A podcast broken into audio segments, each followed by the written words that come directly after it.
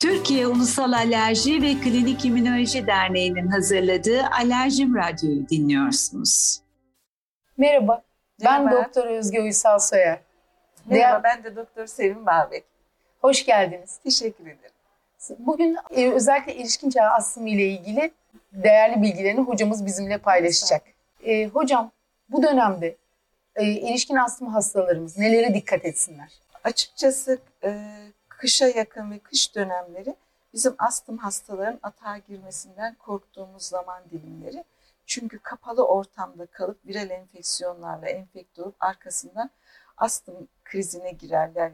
Virüs dediğimiz bir mikrop e, astım at- atakları için çok önemli bir nedendir. Aslında geçen yıl böyle e, maskelerle falan bunu o kadar ağır yaşamadık ama şimdi maskelere uyumun azalması, e, toplu taşıtma araçlarının kullanılır olması, okulların açılması muhtemelen bu riski artıracak ve en azından okuldan çocuklar hasta olan annelerine bunu taşıyacaklar ve ataklarla göreceğiz. 40 kış ay için açıkçası şu andaki endişelerimiz daha çok ondan.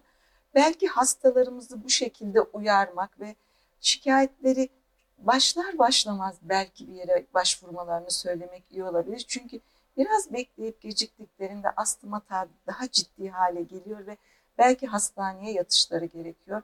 Covid döneminde de hastanelere yatmaları, acillere gitmeleri çok istediğimiz bir şey değil. Daha çok onları poliklinik düzeyine hatta bazen gerekirse telefonla danışarak bile ilerlemeden tedavi etmekte fayda var. Peki hocam bu astım hastalarının astım hata geçirmemesi için çünkü çok uzun bir pandemi dönemi geçirdik, evlere kapandık.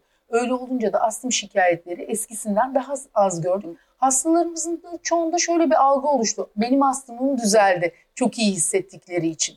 Ve maalesef ilaçlarını kestiler gibi gözlüyoruz. Siz nasıl bu durumu değerlendirirsiniz? Şimdi kestiler kısmını çok gözlemedik. Hatta bir grup hasta bizim öyle ağır astım kabul ettiğimiz ve kortizon verdiğimiz kontrole gelsek de kortizonunu azaltacağımız hastalar bu dönemde kontrole gelmedikleri için yüksek doz kortizonda kaldılar ki bu da işin istemediğimiz öbür tarafı çünkü onun yan etkilerini yaşayacaklar şimdi.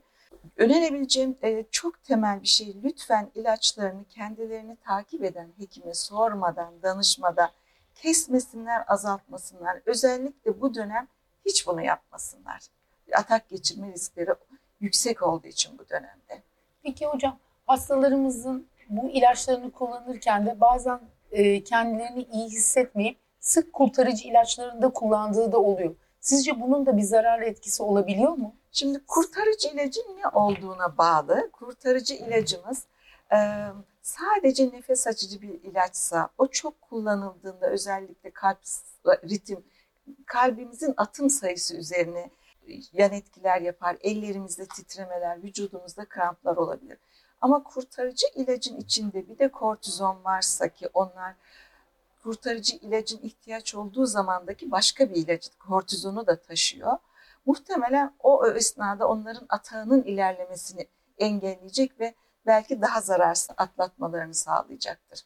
Peki hocam astım hastalarında çevresel korunma önlemleri için son olarak neleri önermek istersiniz? Tabii ki temiz bir e, çevrede yaşıyor olmaları çok önemli.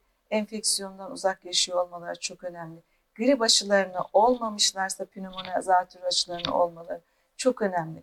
Kapalı ortamda tabii pandemi dolayısıyla kalınıyorsa, evde sigara içen birisi varsa onun kesin bunu yapmaması ve hastaya çok zararlı olur çünkü bulunduğu ortamda sigara içmesi ve ilaçlarını düzgün kullanması çok önemli. Hocam bu çok güzel sohbet için size çok teşekkür ediyoruz. Ben çok Herkese teşekkür sağlıklı günler diliyoruz. Aynen sağlıklı günler diliyorum.